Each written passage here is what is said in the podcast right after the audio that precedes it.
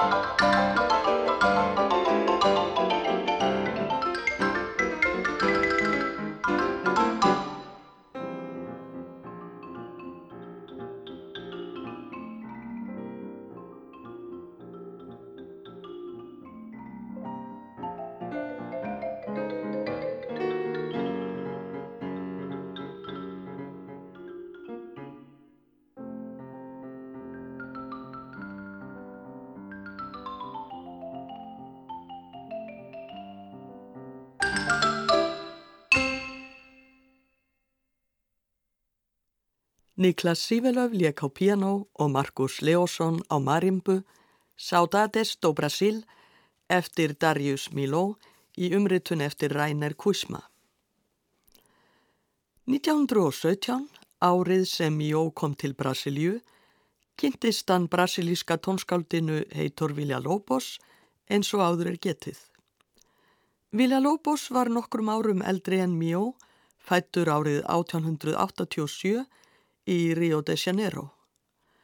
Hann hafði ekki mikla hefðbundna tónlistarmentunað baki en það lagði hann ekki mikið upp úr henni. Hins vegar hafði hann ungur lært að leika á cello, gítar og klarinett og þegar hann giftist pianoleikaranum Lucíliu Guimares árið 1913 kendi hún honum undir stöðu atriðin í pianoleik. Vila Lobos varð fyrir miklum áhrifum frá þjóðlega tónlist og götumúsík Brasilíu en Evrópstónlist hafði líka áhrif á hann og í gegnum Mijó kynntist hann tónlist Debussys, Satís og sennilega Stravinskys. Sama ár og þeir Mijó og Villa-Lobos kynntust, 1917, hóf Villa-Lobos að endurvinna sinfonistuljóð sem hann hafði samið árið áður og kallað Tedio de Alvorada, leiðindi í dögun. Nú breyttanverkinu svo úrvarð ballettónlist sem ekki var fullgerð fyrir árið 1934. Ballettin hlaut nafnið Uirapuru og hafði undir titilinn Littli töfrafuglinn. Uirapuru er heiti á músarindilstegund í Brasilíu og er þessi tiltekni fuggl sérlega söngvinn. Í tónlistinni líkir tónskáldið eftir söng fuglsins. Ballettin var frumfluttur í Teatro Colón í Buenos Aires 25. mæ 1935 og stjórnaði höfundurinn hljómsveitinni. Symfóni hljómsveit BBC leikur nú ballettin Uirapuru eftir Heitor Villa-Lobos. Pianoleikari er Martin Roscoe, Sakari Oramo stjórnar. Thanks.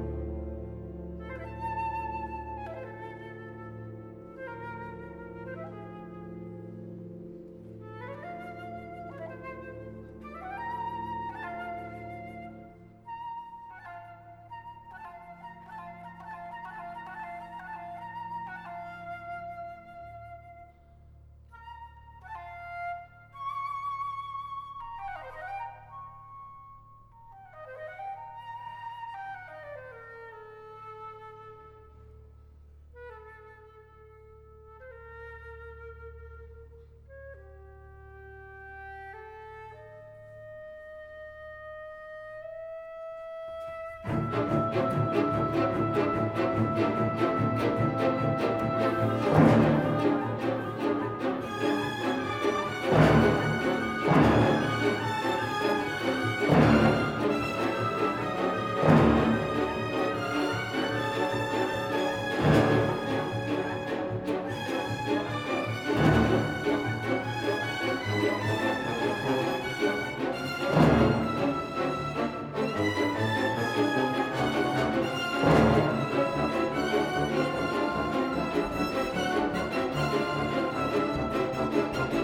Música